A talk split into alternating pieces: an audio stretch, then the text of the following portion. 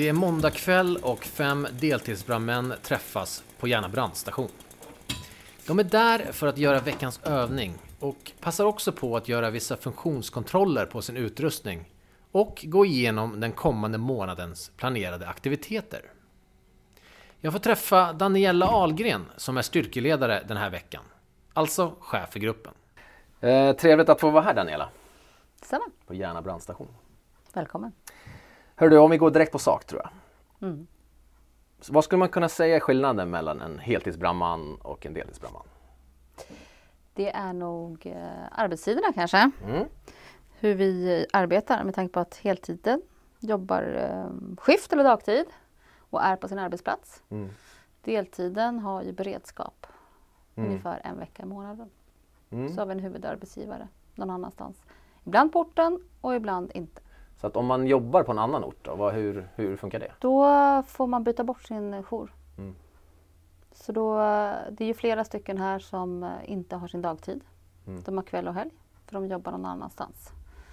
Så det är ju några på station som har ganska mycket jour, Mm. som jobbar kanske på orten, som kan ha mycket dagtid. Okej. Så de, man hjälps åt. Eh, veckan som är med eh, beredskapen är lite eh, hattigt kan jag säga. Det är många som har några timmar här och där och man försöker lösa veckan och den är fortfarande inte löst helt. Så det, är, det kommer vara lite rörigt med vilka som har beredskap och jag ska försöka renskriva den här så det blir lite tydligare. Men det blir som att mycket har några timmar. Så Av Sveriges nästan 16 000 brandmän är nästan 11 000 av dem deltidsanställda. De är alltså anställda som brandmän, men bemannar inte brandstationen dygnet runt utan har istället, precis som Daniela beskriver, beredskap i hemmet eller på sitt ordinarie jobb. Vilket är mycket vanligt på mindre orter i landet. Hur många är ni eh, som jobbar på Järna brandstation ungefär? Cirka 28 stycken tror jag. Mm. Är det liksom, eh, brukar det vara så många? Nej, vi är fyra grupper. Mm. Eh, så vi, är, vi åker en plus fyra på larm. Ibland extra om någon kommer ner extra. Och så har vi då en poolgrupp, de som kan hjälpa till som inte har ett fast schema. Mm. Så då har man ett fast schema, alltså man har en vecka var fjärde vecka? Ja. En vecka i månaden? Mm. Okej, så att vad är det då liksom som, eh, vad måste man uppfylla för krav för att kunna vara med i deltidsbrandkåren så att säga, på sin ort? Eh, man ska ju uppfylla alla fyskrav som även heltiden har. Mm.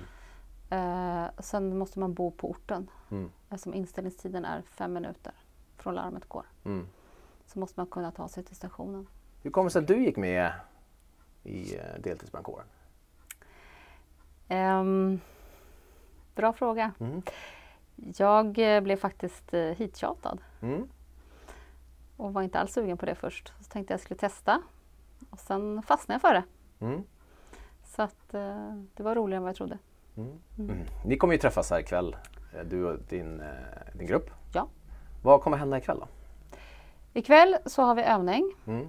Eh, oftast måndagarna har vi det. Samlas vi klockan sex. Har en genomgång för veckan. Mm.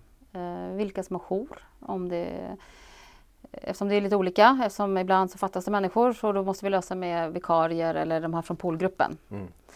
Så vilka som har jour i veckan. Vi går igenom eh, intranätet. Mm. Om det är något speciellt. Vi går igenom om vi ska anmäla oss till andra övningar. Varm rökdykning eller sådana saker. Mm. Och sen så har vi övning ikväll här på station som är mm, taksäkring och stegar och rökskydd. Och, ja, jobba praktiskt med utrustningen helt enkelt. Mm. Mm.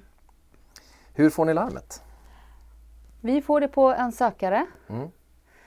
eh, som larmet går ut på. Eh, där de talar om vad det är för typ av larm. Mm. Vi har även sms kopplat. Så vi får det på sms också som en säkerhet. Okej. Men hur går det till då? Om man får larm och är hemma och sover till exempel. Du sa att man har fem minuter Mm, och det är fem minuter tills brandbilen åker. ska vara ute. Ja.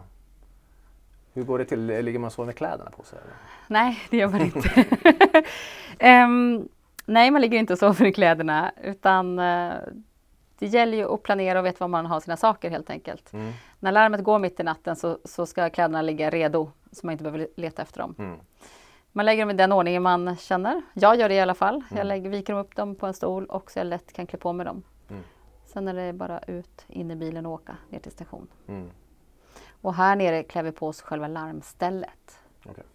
Så att våra arbetskläder kan man säga hänger ju här på station. Och brukar det funka att ni är ute efter fem minuter? Ja, ofta snabbare. Mm.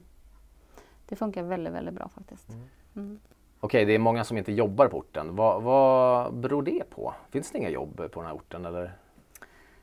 Jobb finns det, Mm. men jag tror att det är väldigt svårt för arbetsgivare att se vinsten av att vi jobbar hos dem, men också våga släppa oss på Mm. larm. Mm. Eh, för det måste ju vara en verksamhet som inte... Jag ska formulera mig. Det måste vara en verksamhet som, som klarar av att släppa sin personal.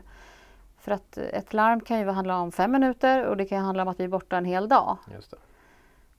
Så att eh, önskan från oss som bor här i Järna och, och att det ska kunna finnas fler jobb. Mm. Därav att det blir lättare att rekrytera människor också på Mm. orten som bor här och jobbar här.